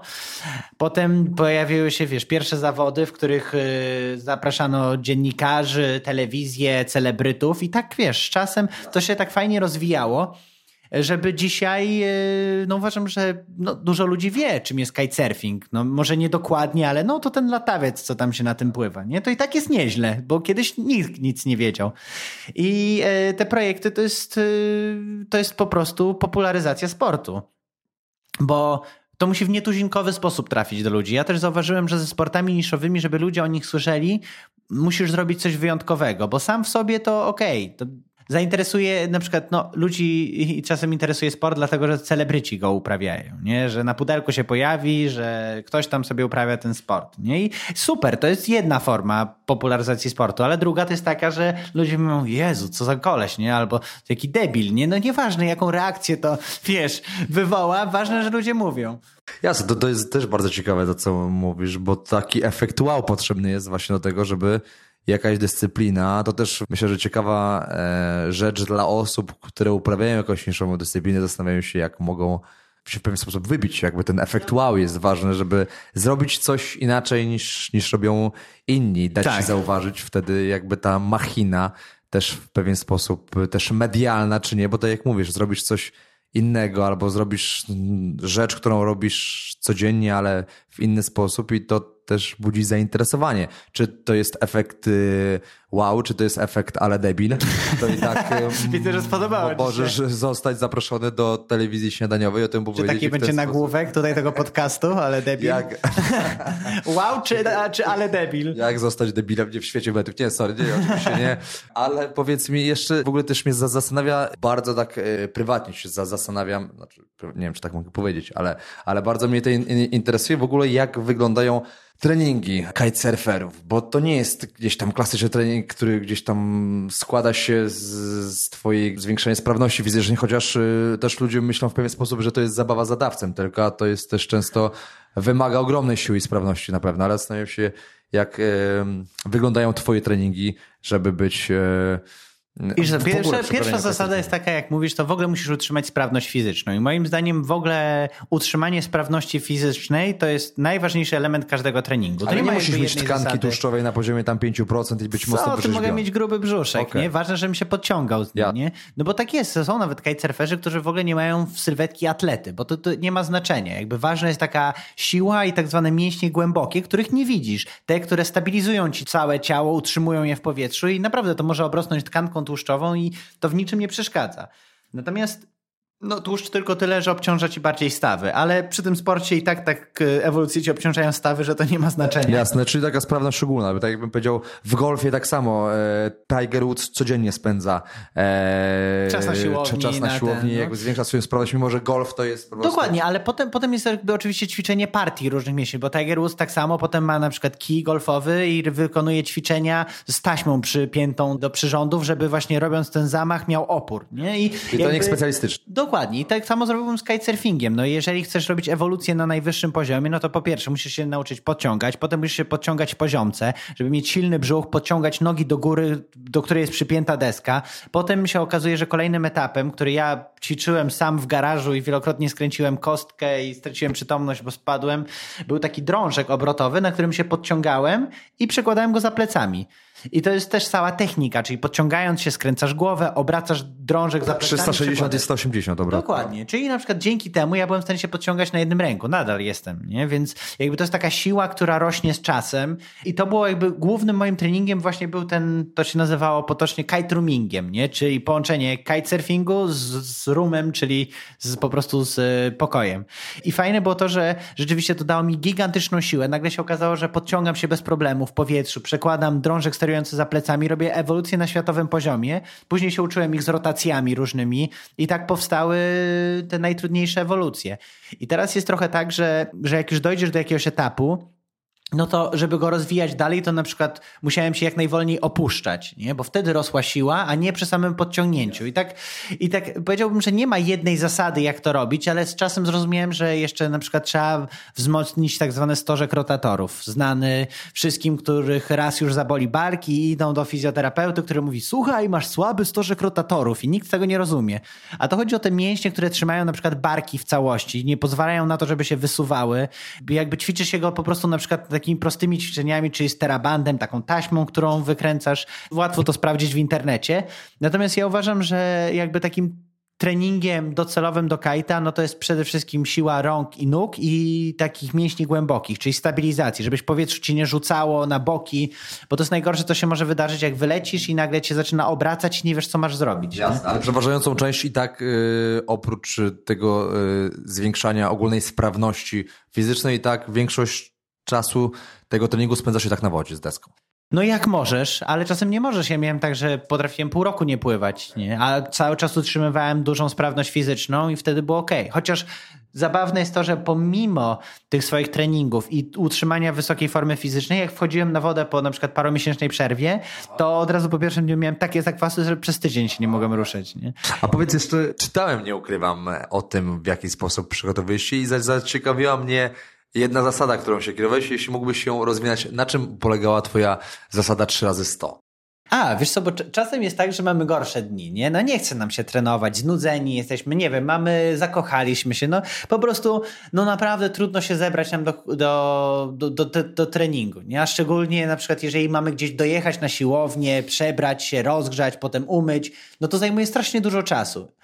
Więc y, postanowiłem, że kurde, no jak mam takie dni i naprawdę mi się nie chce, no to warto chociaż coś zrobić. Że to niektórzy mówią, że, e, że niby nie, nie warto. Ja uważam, że warto, jeżeli codziennie zrobisz zasadę 100, czyli na przykład ja robiłem 100 pompek, 100 podciągnięć i 100 przesiadów. Nic więcej, naprawdę. Były takie, że przez cały miesiąc wykonywałem tylko te ćwiczenia, ale one powodowały, że zwiększał mi się metabolizm, że ciało cały czas było sprawne, że cały czas miałem siłę i nawet jak zrobiłem sobie taką, bo to była tak zwana przerwa od treningu, to, to w zupełności wystarczyło, żebym e, utrzymał dobrą formę fizyczną. Oczywiście nawet nie chodziło o to, że robiłem 100 za jednym razem, tylko na przykład, nie wiem, 5 razy po 20. Jasne. Ale ważne, że robiłem to codziennie. I wydaje mi się, że jak ktoś w ogóle chce zacząć trenować, ale a już trochę mu się nie chce, a potem ma zakwasy, to niech zacznie od takich ćwiczeń. Ja na przykład teraz jestem w takiej fazie, że od półtora miesiąca dokładnie wykonuję trzy ćwiczenia rano, od razu budząc się. Trzy razy 100. Trzy razy sto, no i słuchaj, czuję się najlepiej w życiu. Fajne też na podtrzymanie, szczególnie właśnie w okresie Szczególnie w okresie wakacyjnym w Polsce, jak jesteś, kiedy nie wieje. Dokładnie, nie no. Wtedy możesz też robić dużo więcej, ale to jest, e, rozumiem też. To się nigdy nie chce, a szczególnie na przykład jak jest taka mroczna pogoda, wstajesz ciemno, nie wiesz, no, naprawdę jest to trudne. Ja też, wiesz, mam różne fazy w życiu. Miałem też kontuzję i tyłem, i chudłem, i, i nie, nie było fajnie, i źle się ze sobą czułem, nie mogłem podnosić ręki do góry. Miałem takie okresy, przecież miałem 40 kontuzji, nie? więc miałem parę operacji barku, więc naprawdę ja przerobiłem duże problemy fizyczne. I powiem ci, że ta zasada zawsze mnie stawiała na nogi, więc Jasne. polecam. Jasne, a czy ty powiedz, y, jesteś już w takim momencie, że twoje ciało jest już, y, bym powiedział, w pewien sposób wyeksploatowane? No bo kite to jest sport ekstremalny, prawda? Jest. Czy właśnie poczułeś na swoim ciele y, ekstremalność tego sportu? Bardzo. Mimo, że masz tam około 30 lat, prawda? No to i tak już Ciało 50-latka. Aha. Ciało ze skórą 30-latka. Nie, no tak y, zupełnie serio czuć, bo to jednak y, przeciążenia są tak duże, że dla prostego porównania, ja potrafiłem całe ciało, czy potrafię, no to nie tak, że ten, no potrafię całe ciało trzymać na jednym ręku, wykręcone za plecami do góry nogami i przyciągnąć się do tego baru tak za plecami, a wytrzymałość linek to jest około 400 do 600 kilo i ta linka potrafi pęknąć w tym czasie. No to to oznacza, że całe to obciążenie, czyli 400-500 kilo na wykręconej ręce do tyłu, no przechodzi na twój bark, czy łokieć, czy nadgarstek. No więc y, jest taki moment, że ciało po prostu zaczyna się buntować. Plecy, wiadomo, jest jakaś kompresja dysków, poprzesuwane kręgi, no to jest y, standard. Nie? Ja mam mocno zużyte ciało, które wspaniale mi służyło i mam nadzieję, że jeszcze posłuży wiele lat, ale no dostało wciery i tutaj no to była cena do zapłacenia za zawodowe uprawianie sportu i ja się i tak cieszę, że jestem w, tak naprawdę w pełni sprawny, parę operacji przeżyłem, wszystko w sumie działa, jest ok, więc no, no ale trzeba już, no już, już, już nie mogę jechać tak na maksa, no. To jest też cena właśnie, tak jak powiedziałeś e, bardzo trafnie zresztą, że to jest cena, jaką płacisz za uprawianie ekstremalnego sportu na wyczynowym poziomie. Bo to jest tak, że uprawiasz ekstremalny sport, ale nie amatorsko, tylko ekstremalny sport wyczynowo, więc to już jakby podejrzewam, że naprawdę e, musiałeś dostać w kość, no i twoje ciało w dość też e, cały czas młodym wieku potrafi być już wyeksploatowane i to jest yy, może nie czas emerytury, ale, ale naprawdę... Trochę, trochę tak i trochę nie. Teraz jestem w takiej fajnej fazie w życiu, że pływam już yy, dla siebie, że kiedyś jak startujesz w zawodach, to nie ma znaczenia. Chce ci się, nie chce ci się, zimno, ciepło, mokro, idziesz i pływasz i trenujesz. A teraz mogę, mam taki komfort podejmowania decyzji, że pływam wtedy, kiedy chcę, robię to, na co mam ochotę. Wiesz, to naprawdę jest niesamowity moment, bo no wiesz, w trybie zawodniczym jest czasem tak, że masz gorsze dni, że boli cię, że, że no łamiesz żebra, no, to, no sport ekstremalny. A moment, w którym możesz sobie sam podejmować decyzje jest tak fantastyczny, bo ja mam radość z pływania, taką prawdziwą radość tego, że tam jestem, że mogę, że pływam, że skaczę, że robię swoje ewolucje. Powiem ci, że yy, fajnie, fajnie, tak, tak bym powiedział. No pressure, czyli, czyli to jest w ogóle też fajne uczucie w ogóle, w którym nie musisz, tylko możesz i, i wtedy czerpiesz z tego fan, bo nikt cię do niczego nie zmusza. Masz ochotę, pływasz, nie masz ochoty, nie pływasz. Tak zastanawiam się nad tym, co powiedziałeś i też y, wracając trochę do tego początkowego wątku, zastanawiam się nad y, taką korelacją między kontuzją a byciem produktem w takim zawodowym sporcie, bo jesteś, jesteśmy trochę zakładnikami swojego ciała, jak w każdym sporcie i, i, i kontuzje w związku z tym też powodują jakąś przerwę, co za tym idzie, mogą i też to robią, odwracają się e, sponsorzy. I powiedz, czy ty miałeś takie sytuacje, w których, e, nie wiem, powątpiewałeś w ogóle w to, co robisz, czy przechodziłeś e, przez jakieś kryzysy, w których chciałeś skończyć w ogóle z tym kajtem i, i, i, jakby sponsorzy powiedzieli fuck you i wiesz, i, no ja, i na razie, ja powiem bo ci... Wiktor już nie jest na topie, bo to jest tak, że to cię trochę wymiela i wyrzuca. To jest taki świat, w którym jakby te wartości związane jakby z twoją otoczką medialną dla dużych firm jakby opierają się na cyfrach. Ja, ja, się, ja się teraz śmieję trochę, nie dlatego, że, że o tym powiedziałeś, tylko dlatego, że trafiłeś w punkt. To był największy problem ostatnich 10 lat mój. Dokładnie to, o czym mówisz, że to uczucie, że ja się do tego nie nadaję, że to może złą drogę wybrałem, że masz takie, szczególnie kiedy przyjdzie kontuzja i czujesz się bezużyteczny. I miałem taką sytuację jedną, w której jeden ze sponsorów, po tym jak e, w finale Mistrzostw Polski miałem kontuzję, wypadł mi bark i on napisał mi, że no teraz to już się do niczego nie przydam. I ja tak wiesz, nie mogłem w to uwierzyć, nie? No, postarałem się jakby no, ładnie napisać maila, no, że w sytuacji, no, że w ogóle dla zawodnika, który był świetnie przygotowany, doszedł do finału, przegranie y, czy tam kontuzja jest najgorszym, co, co, co może się stać, nie? że to nie jest czas teraz na, na jakieś wytykanie takich błędów, a on napisał mi, że martyrologia nie jest skazana.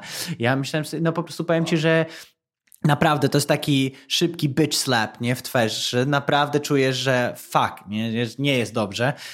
No więc y, oczywiście po drodze miałem masę kontuzji. Ja miałem 40 różnych kontuzji, w tym trzy operacje barku. Też miałem takie momenty, że pół roku się rehabilitowałem, nie byłem w stanie dalej podnieść ręki do góry. Wiesz, no, leżałem kiedyś przez parę tygodni, też nie mogłem się ruszyć, bo kręgi się tak poprzestawiały, że w ogóle nie byłem w stanie drgnąć. Nie? Naprawdę wiem, co to znaczy ból, wiem, co to znaczy uczucie bezradności, bezużyteczności.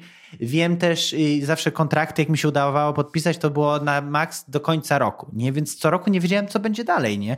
I też sobie myślałem, Jezu, teraz będę cienki, albo miałem kontuzję, więc zanim się pozbieram, zanim zacznę wygrywać, jakby wszystko opierałem trochę na wynikach, co było bardzo, bardzo złe, bo na przykład kończyłem kontuzję, leczyłem się z niej tak szybko, jak się tylko dało, jak tylko już przestawało trochę boleć, ja już od razu na pełen gwizdek trenowałem, więc to myślę, że to są te momenty, kiedy trochę zużyłem swoje ciało. Nie, nie pozwoliłem mu się w pełni zregenerować i no, znam to uczucie i znam też uczucie tego, że co dalej, nie? że jestem tylko zależny od swojej fizyczności. Wiesz, nagle się okazuje, że więc jak ja komuś życzę zdrowia, to ja często to robię. Zawsze podkreślam w pierwszej kolejności, jak życzę komuś, e, no nie ma urodziny, zawsze piszę przede wszystkim życzę ci zdrowia i jest takie powiedzenie, tak, że nikt nie doceni zdrowia tam dopóki go nie straci. I ja to rozumiem. Ja doskonale uważam, że to jest najważniejsza rzecz, bo nagle się okazuje, że cały świat nie ma sensu. Ja nie mogłem ani wykonywać pracy, ani się, no, nic nie mogłem zrobić. I powiem ci, że miałem nawet taki moment takiej, no depresja to może mocne słowo, ale takiego załamania trochę, jak miałem taką pierwszą poważną kontuzję i wszystkie kontrakty mi się kończyły. Ja nie mogłem podnieść ręki, wiedziałem, że nie mogę startować. W ogóle nie wiedziałem, czy będę uprawiał kitesurfing. Tak? Zacznijmy od tego. I, I to był ten moment, kiedy zacząłem się też mocno zastanawiać nad różnymi biznesami, zacząłem kombinować, żeby nie być tylko i wyłącznie zależnym od siebie i fizyczności, bo ona w sporcie potrafi mhm. w ciągu sekundy się zmienić. Dzisiaj jesteś w super formie, ale już za 5 minut, wiesz, wykonujesz mocny strzał i strzela ci Achilles i nagle już nie możesz chodzić, wiesz, czekać, to jest niesamowite, jak w jedną sekundę się wszystko zmienia. I ja też miałem takie sytuacje, że pojechałem na Puchar Świata, już miałem zaplanowane 10 wyjazdów do przodu i nagle na tym Pucharze Świata wygrywam jedno starcie, drugie, trzecie, jest, idę jak na fali zwycięstwa i nagle w powietrzu po prostu spadam i wbijam sobie drążek sterujący w żebra i łamię sobie żebra. I nagle 4 miesiące nie możesz nic zrobić, ani oddychać, ani się śmiać, nic. Po prostu, no ale to się stało. No, to była cena jakby startów twoich i to jest normalne. Wszyscy musimy sobie z tym radzić i, i, po prostu dobrze jest sobie znaleźć alternatywne zajęcia. Ja wtedy wykorzystałem to, że uczyłem się, że tą ekonomię studiowałem, że po prostu starałem się prowadzić równoległe życie do tego sportowego, które pozwalało mi w momencie kontuzji zrobić tak zwany switch Dzisiaj też mam trochę switch, bo pływam i na kajcie, ale również zajmuję się mediami społecznościowymi, które super zaczęły działać i funkcjonują i na nich można zarabiać i w ogóle szok. No ale to też wymagało jakby no dwutorowego myślenia o swoim życiu. Jasne, to myślę też bardzo ciekawie to podsumowałeś chyba w jakimś e, wywiadzie, że to, że jesteś siedmiokrotnym mistrzem świata, czy e, wygrywałeś tam Puchary Azji, że wszystko super, że to są w pewien sposób twoje takie etykiety, dzięki którym ktoś ciebie definiuje, ale sam powiedziałeś, że tylko nikt nie wie w ten sposób, że po drodze musiałeś przegrać 200 razy. To było super w ogóle. To jest też, że twoją etykietą jest to, że jesteś siedmiokrotnym mistrzem kitesurfingu, tak. ale nie widać tych porażek, które przeszedłeś przez ten czas, więc to było dość takie mocne, ale zarazem ciekawe. To że, chyba że jakby... Bill Gates tak powiedział, nie? że jakby sukces niczego cię nie uczy, nauczy cię dopiero porażka. I to jest prawda, bo tak naprawdę no, sukces czego cię uczy? Że wszystko zrobiłeś super, tak? Że nie masz czego poprawiać, nie? a dopiero jak przegrywasz, to wtedy wyciągasz z tego jakieś wnioski. I w ogóle jest takie chyba powiedzenie w Stanach, pamiętam, że, że jak nie zbankrutujesz przynajmniej tam dwa czy trzy razy, to nie możesz nazwać się biznesmenem, nie? Bo dopiero jak się podniesiesz od zera, to znaczy, że rzeczywiście znasz się na biznesie biznesie. Powiedz jeszcze, zastanawiam się, czego nauczył cię sport y, w życiu, bo jak wiemy, sport to jest bardzo dobra lekcja, która potrafi nauczyć cię spojrzeć na pewne sytuacje w życiu y, z innej perspektywy, innej niż y, z perspektywy osoby, która no, nie stawiała sobie takich wyzwań w życiu, ani ich nie przejmowała, więc zastanawiam się, jak w twoim przypadku. Wiesz, sport przede wszystkim nauczył mnie determinacji determinacji, bo ona jest najważniejsza, że i konsekwencji. Bo... Ale tego się można twoim zdaniem nauczyć, bo to jest, czy jak w biznesie powiedzmy, jeśli chcesz zrobić w biznes, jeśli gdzieś tam to pragniesz, to i tak czego nie robisz? Czy tego się można, czy to wychodzi gdzieś z ciebie poświadomie, czy myślisz, że też tego się można nauczyć? Myślę, że można się nauczyć. No, myślę, że można się nauczyć i to wymaga po prostu jakiegoś określenia sobie celu.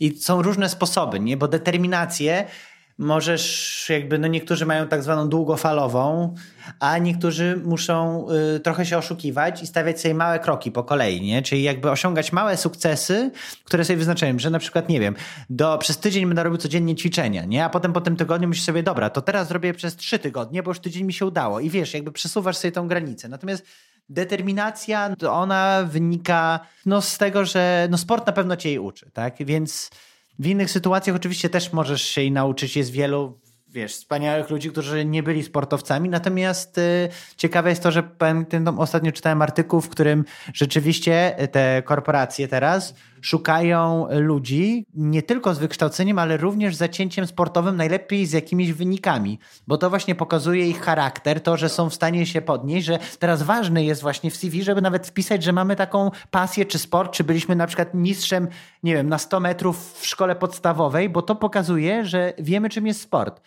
To, no to jest jedna z rzeczy, której się nauczyłem. Druga rzecz to cierpliwość, nie? że ja jestem bardzo niecierpliwy, a sport uczyć się, że no musisz się przygotować, że to trwa. No. no i też najważniejszej rzeczy, czyli właśnie radzenia sobie z porażkami. Bo, bo nagle okazuje się, że większość ludzi e, nie rozwija się w życiu dlatego, że boją się porażki, boją się odrzucenia, boją się na przykład zagadać kogoś, nie wiem, dziewczynę, którą poznałeś na ulicy, albo na przykład pójść na spotkanie o pracę. Boją się tego, że ktoś ich odrzuci. A sport uczy cię tego, że po prostu przegrywasz. To jest normalne i wyciągaj z tego wnioski i leć dalej. To jest na porządku dziennym, że no co, no ktoś ci powie, nie, nie jestem zainteresowany, albo idź sobie. No, no trudno, no tak było, idziemy dalej to są chyba takie zasady, dlatego ja się nie boję próbować w życiu. Zawsze próbuję, bardzo często mi nie wychodzi. Do dzisiaj powiedziałbym, że 8 na 10 razy mi nie wychodzi. Ale te dwa razy, które wyjdą, są tak świetne, że dla ludzi z boku to jest kurde, ale super, ale on ma szczęście, nie? Ale mu się udało. A, a też yy, to jest takie zabawne, bo szczęście też, nie? Że dużo ludzi, kiedy ty to masz szczęście, tak, tak mi mówili. A ja sobie myślałem i zacząłem kombinować nad tym i nagle znalazłem taką fajną definicję kiedyś, że szczęście to moment, kiedy przygotowanie spotyka okazję. I nagle zrozumiałem, kurde, tak, to jest to. Czyli właśnie ponosząc te wszystkie porażki, przygotowujesz się i w pewnym momencie tak się trafili moi pierwsi duży sponsorzy, że ja po drodze mi się nie udawało, nikt nie wchodził, nie udawało się, odmawiali mi na ten. I w końcu, wiesz, byłem na etapie, w którym, tak jak rozmawialiśmy na początku wywiadu, miałem przygotowane prezentacje, wiedziałem, co oferuję, wiedziałem, co daję, byłem gotowy już na to, żeby się przygotować i miałem tak zwane szczęście, tak? Bo przyszedłem i dokładnie Jasne. to było to, czego szukałem. I jak to mówi też e, w ogóle Tiger Woods, że często mówi o tym, on mówi zawsze, że im więcej trenuję, tym więcej mam szczęścia. Tak. Ale i coś w tym jest, mówisz, idziesz dalej, że jakby nie, nie powstrzymuje cię żadna porażka. Nawet były jakieś badania ostatnio, które słyszałem, że i facet, który wyglądał przeciętnie, jak podszedł do kobiety w centrum handlowym i zapytał się, czy pójdzie z nią do łóżka, to e, na 100 kobiet potwierdziło mu dwie, 98 odmówiło. Ale i tak ma lepszą skuteczność niż gościu, który cały czas się zastanawia, żeby podejść i to zrobić. Coś w tym jest. Im więcej próbujesz, Dokładnie. tym jakby większe... Uczysz się, bardziej się swobodny robisz w ogóle w takim zachowaniu. No, no sport też uczy pokory, nie? I też tej zmiany takiej, że no wiesz, jak szybko wszystko potrafi się zmienić, że nic nie jest pewne. Ja na przykład niczego nie uważam za gwarant. Nigdy. Bo po prostu ta fizyczność ci pokazuje, że dziś jesteś super sprawny, a jutro nie możesz chodzić. Nie? I, I to daje ci takie poczucie, że jesteś cały czas w lekkim stanie czuwania i jesteś gotowy na, na, na wszystko. No, to jest... Y, nie wiem, czy dobre, czy złe, ale na pewno ułatwia życie, nie? bo też nie powoduje, że ludzie sobie Także budują te nadzieje i potem nic z tego nie wychodzi, się załamują na pół roku, zamiast po prostu iść w kolejny projekt, kolejną rzecz. Nie? No to się nie udało, to coś nowego się tak, uda. To prawda, super. To się wiąże w ogóle z takim wzięciem całkowitej odpowiedzialności za swoje życie, że jakby ty jesteś odpowiedzialny za te rzeczy, którymi możesz zarządzać, którymi zarządzać i jeśli, jeśli coś się nie wyjdzie, to znaczy, że musisz wyciągnąć z tego w pewien sposób jakąś lekcję i iść dalej, ale jakby cała odpowiedzialność za każdą rzecz, która ci się przydarza w życiu, jest w tobie. Nie? No, to zgadzam się. E, a jeszcze tak z innej strony zapytam się pod takim, bo też jesteś przedsiębiorcą i zastanawiam się, mm, organizujesz różne eventy, też e, prowadzisz e, obozy dla dzieciaków e, na Półwyspie Helskim, ale zastanawiam się też e, pod takim kątem twojej innej działalności, bo też robisz power speeche i zastanawiam się, jaki jest tam twój taki leitmotiv przy tych power speechach, który dajesz. Chodzi mi tutaj o rzeczy, które z kolei można ze sportu przełożyć na, może bardziej na biznes, nie? Jak sport y, tym elemencie. Tak. Wiesz co, właśnie jednym z takich motywów, które poruszam, jest właśnie ponoszenie tej porażki, bo porażka to jest jakby nieodłączny element naszego życia i ludzie się załamują. Nie? Na przykład, nie wiem, mamy handlowców, którzy no, no wiesz, sprzedają coś i bardzo często im to nie wychodzi, albo ktoś mówi dajcie mi spokój, nie chcę, nie jestem zainteresowany, oni dalej muszą brnąć w to, tak, albo szukać kogoś innego, więc non-stop na każdym etapie ponoszą jakąś porażkę, no ale próbują, próbują, uczą się, wyciągają wnioski, więc ja do tego nawiązuję do jakichś swoich historii z zawodów, kiedy byłem na Hawajach, pływałem na 10-metrowych falach, byłem przerażony, prawie się utopiłem, właściwie no długa historia, może nie na dzisiaj, natomiast ja staram się łączyć jakby wszystkie takie elementy, których uczysz się w sporcie. Nie? Czyli na przykład y, kolejnym etapem jest y, to, że opowiadam też o działaniu, że po prostu zacznij, zacznij próbować, działaj, nie? że nie, nie spoczywaj na laurach. To nawet jak ci dobrze idzie, to cały czas jakby się rozwijaj. Nie? To są jakby takie elementy, no bo ja też tak miałem, że no skoro byłem najlepszy, no to co mam więcej robić? No to cały czas się rozwijałem, szukałem nowych nurtów. Potem na przykład na tych speechach też opowiadam bardzo dużo o jakichś takich, staram się łączyć, swoje takie zabawne historie e, z całego świata, czy z Karaibów, jak latająca ryba przebiła mi policzek i jakby to wiąże się z jakąś kolejną historią, no ale to też powoduje, że e, jakby w taki dosyć obrazowy, ciekawy sposób opowiadam o historiach, z których e, wynikają jakieś wnioski. I to są jakieś takie moje przemyślenia właśnie życiowe. W sumie to, co też powiedziałem dzisiaj o tym szczęściu, że to jest właśnie ten moment, kiedy przygotowanie spotyka okazję. Też o tym, bo to jest bardzo ciekawe, nawiązuje do tego, że coś może nas przerażać w życiu. Nie? To jest taki typowy klasyk, że na przykład dostajesz zadanie do wykonania i uważasz, kurde, to jest za dużo, ja nie dam rady, nie, kurde, ja się na tym nie znam. Ja nigdy w życiu tego nie robiłem. Nie wiem, prezentacji albo nie wiem, masz opowiadać o, nie wiem, załóżmy o, o szkleniu budynków. Nie, nie masz pojęcia, jak mam to zrobić. I taki moment możecie przytłaczać. I nagle ja fajnie przytaczam taką historię Winstona Churchilla, który jest najlepszym mówcą świata, tak? Tak jest prezentowany na ten. I wiesz, czego on się najbardziej w życiu bał? Aha. Mówienia publicznego. To on go tak go to stresowało, więc Winston Churchill przygotowywał się przed każdym publicznym wystąpieniem i debatą w ten sposób, że rozpisywał sobie wszystkie wątki, wszystko o co mógł być zapytany, żeby na wszystko znać odpowiedź. I dopóki wszystko szło zgodnie z planem, to był fantastycznym mówcą, ale jak tylko pojawiało się pytanie, na które nie znał odpowiedzi, to Winston Churchill, największy mówca świata, nagle zaczynał drżeć mu głos, zaczynał się trząść jak stary dziadek, zaczynał się pocić, po prostu nie był w stanie się wysłowić. I to też pokazuje, że na początku, nawet jeżeli cię przytłacza coś, nie uważasz, że nie dasz sobie z tym rady, to nagle okazuje się, że najwięksi tego świata tak samo się tego bali i okazało się, że są najlepsi w tym, czego się najbardziej bali. I ja też mam takie historie. Oczywiście nawiązuję do tego, że ja najbardziej bałem się w życiu zawodów. I to mnie tak przerażało, że aż mnie paraliżował ten strach. A okazało się, że w pewnym momencie byłem po prostu najlepszy. I, I to nie była prosta droga, po prostu trzeba ją przejść. Jasne, i tak samo tak jak mówisz z tymi power speechami, że bałeś się przemawiania publicznego, ale e, okazało się, że jakby jesteś w stanie pokonać ten strach i jakby, jakby też wy, wypadać w tym bardzo dobrze, bo też m, mm, świetnie po pierwsze mówisz, a też w pewien sposób e, bardzo dość może dość rygorystyczny sposób wybieram gości do swojego podcastu. A, dlatego, dziękuję. To jest nieważne, moment, ale też uważam, że nieważne jest tylko to, że osiągasz e, w jakimś sporcie sukces, ale to w jaki sposób jesteś w stanie przekazać jakąś wartość, o tym opowiedzieć, jakby twój jakby storytelling jest w ogóle imponujący i to w jakiej formie to robisz, to jest też e, gdzieś tam Bardzo dziękuję. tego, e, to w jaki sposób też możesz trafić do ludzi, bo to, że jesteś mistrzem świata nie znaczy to, że możesz w pewien sposób kogoś zainspirować albo... Możesz zanudzić ludzi tak, po prostu. Dokładnie. Kończąc nas, na naszą rozmowę niestety, jakiej um, zastanawiam się, jakiej rady udzieliłbyś osobom, które może nie marzą być jak Wiktor Borsuk, bo tego się nie da powtórzyć. Każdy jest inny. No. Ale zastanawiam się, y, jakie rady byś udzielił osobom, które chciałyby osiągnąć y, sukces e, w sporcie i też w kitesurfingu.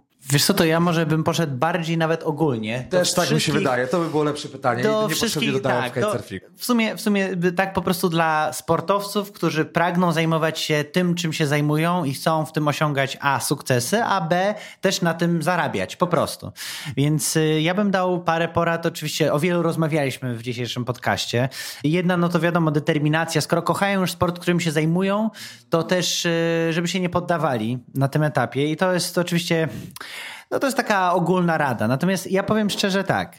Jeżeli ktoś już ma zajawkę na sport, no to ja już nie będę go tutaj y, mówił mu, co ma robić. Droga u wszystkich jest ta sama, to po prostu trzeba trenować. Natomiast, żeby żyć ze sportu, to powiem szczerze, że najważniejsza taka rada, którą ja bym dał, to zawsze jest łatwiej pozyskać finansowanie na projekt niż na całość. Czyli to nie jest tak, że sponsorujcie mnie, bo super, jeszcze na deskorolce albo pływam na kajcie, cokolwiek sobie wymyślisz, tylko przychodzisz z pomysłem, że słuchajcie, na tej deskorolce ja przejadę po Pałacu Kultury w Warszawie. Nie, na przykład. No i to jest oczywiście jakiś tam na ten, albo przejadę na dachu największego wieżowca w Polsce. Nie, czy cokolwiek. Łatwiej jest na projekt projekt y, załatwić finansowanie niż na ogólne świadczenia. Więc po prostu wychodzimy z inicjatywą, wymyślamy to i spróbujemy to sprzedać.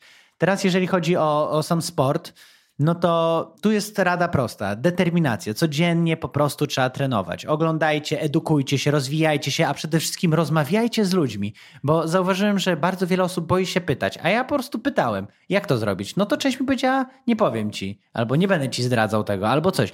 Rozmawiajcie, pytajcie. W końcu traficie na osoby, które będą wam chętnie pomagały, które podciągną was, a poza tym najważniejsza zasada, którą ja stosowałem, ona jest brutalna, ale zawsze trzymaj z lepszymi od siebie.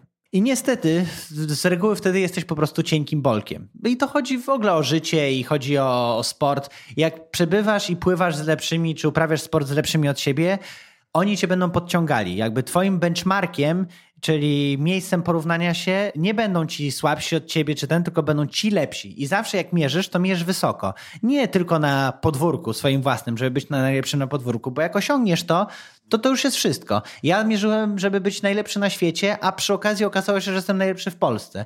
I tak naprawdę z grubsza, no to poniosłem porażkę, bo nie byłem mistrzem świata, ale gdzieś w Azji, w Polsce byłem po prostu najlepszy. Więc ciekawe jest to, że jeżeli poprzeczkę sobie postawisz bardzo wysoko, to po drodze osiągasz olbrzymie sukcesy, które są na skalę kraju, Europy, kontynentu, tylko dlatego, że mierzyłeś, żeby być najlepszym. I tutaj nie ma się co oszczędzać. Oczywiście należy się cieszyć z tych małych kroczków, planować sobie różne rzeczy, że będę się cieszył, jak będę trzeci na Pucharze Świata, albo Polski, albo na, w regionalnych zawodach. Dobrze jest też się challenge'ować, bo jednak startowanie, na przykład jak ktoś sobie myśli, nie będę jechał na te lokalne zawody, po co mam, po co mam marnować czas? I to jest też największy błąd, który ludzie popełniają, bo praktyka czyni nas tym coraz lepszym, coraz lepiej radzimy sobie ze stresem, zaczynamy mieć swoje własne rytuały i ważne jest, żeby rzeczywiście się mierzyć, żeby spotykać tych ludzi, żeby starać się być najlepszym, bo tylko to nas rozwinie. Ja po prostu, no, czasem przegramy, ale też się bardzo dużo nauczymy. No i to chyba takie najważniejsze rady. No.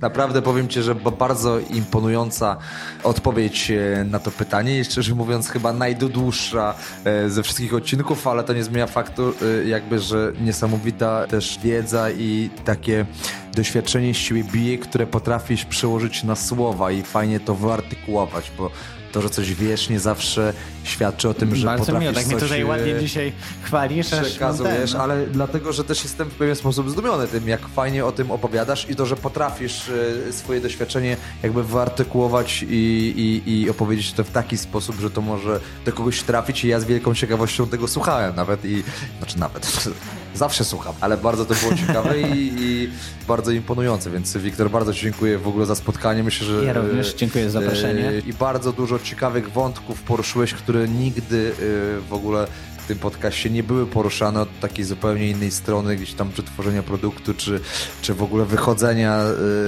z takiego pewnego rodzaju bagna, żeby też dojść do miejsca, w którym po prostu chcesz być i sobie w nim być, więc e, naprawdę wielkie gratulacje w ogóle też twojego e, przygotowania e, pod tym kątem i, i Dziękuję i bardzo, Fajnie. która w ogóle ci pozwoliła wejść na szczyt w swojej dyscyplinie w ten. To była sama przyjemność, bardzo dziękuję za zaproszenie. Wielkie dzięki. Cześć.